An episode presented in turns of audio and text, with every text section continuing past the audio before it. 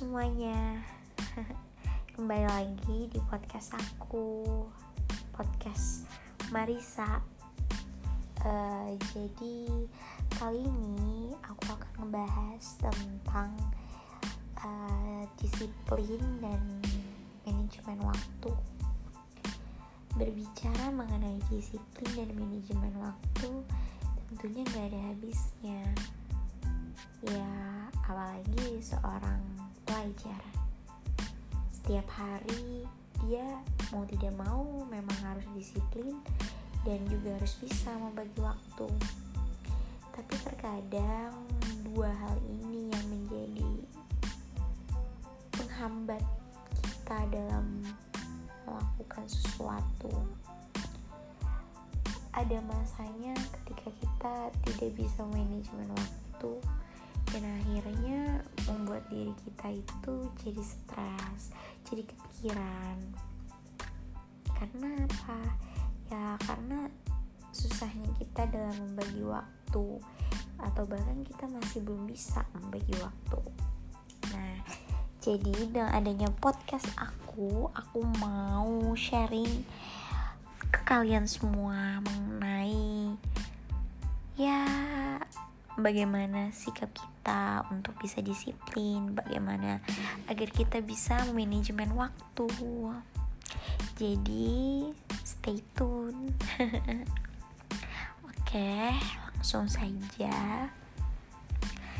Sebelumnya, arti disiplin itu sendiri yaitu uh, sikap yang contohnya seperti kayak tepat waktu, uh, menempati janji, dan pada akhirnya membuat orang lain itu percaya pada diri kita.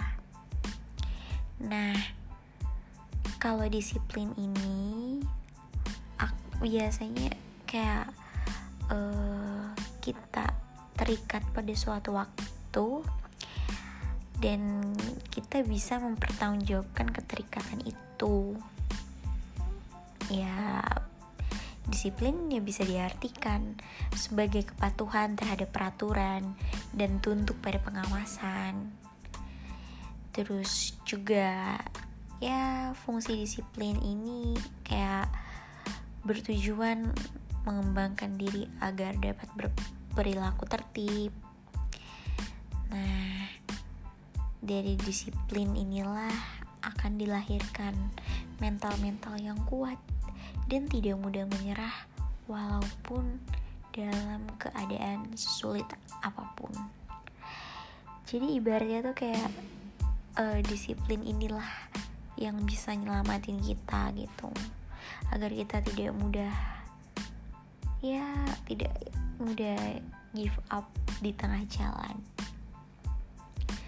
Nah, terus disiplin ini ya kita harus punya keyakinan yang kuat bahwa kita tuh ini loh aku mau jadi lebih baik. Maka dari itu disiplin lah salah satunya. Kalau kalian uh, biasanya gak disiplin masih terlambat atau melakukan hal-hal yang terledor lainnya tentu itu akan membuat diri kalian sendiri merasa kesusahan baik sekarang ataupun nanti. Nah jadi mumpung kita masih muda kita bisa kok untuk mengawali sikap disiplin itu dari yang kecil-kecil dulu. Ya belajar untuk tepat waktu gitu.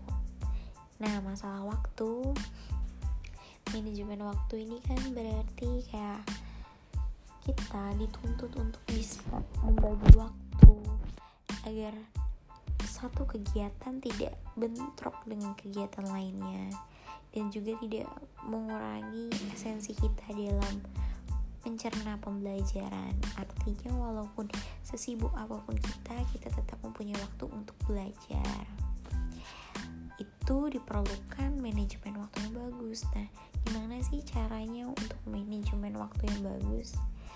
Ada beberapa hal yang bisa kita lakukan. Yang pertama kita bisa mengatur plan. Kita atur rencana-rencana kita. Apa sih yang mau kita lakukan? Tentunya berdasarkan skala prioritas.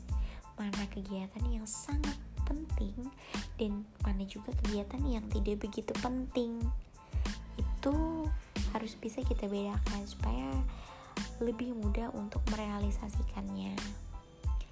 Nah selain membuat plan kita juga benar-benar harus bisa membentengi diri kita dari segala godaan yang dapat menjerumuskan kita gitu. Misalnya nih kalian sebenarnya uh, diajakin teman jalan cuman karena kalian gak enakan akhirnya kalian gak nggak bisa nolak dan jalan aja. Padahal tugas kalian itu masih banyak. Nah dari sekarang belajar untuk uh, kalau memang kita tidak bisa ngomong aja nggak apa-apa gitu. Daripada memaksakan diri kita yang nantinya malah merugikan kita. Jadi teman-teman yang lagi dengerin podcast aku semoga kalian semangat terus. Dan intinya kalau orang lain bisa kenapa kita enggak? Jadi sekian podcast dari aku. Wassalamualaikum warahmatullahi wabarakatuh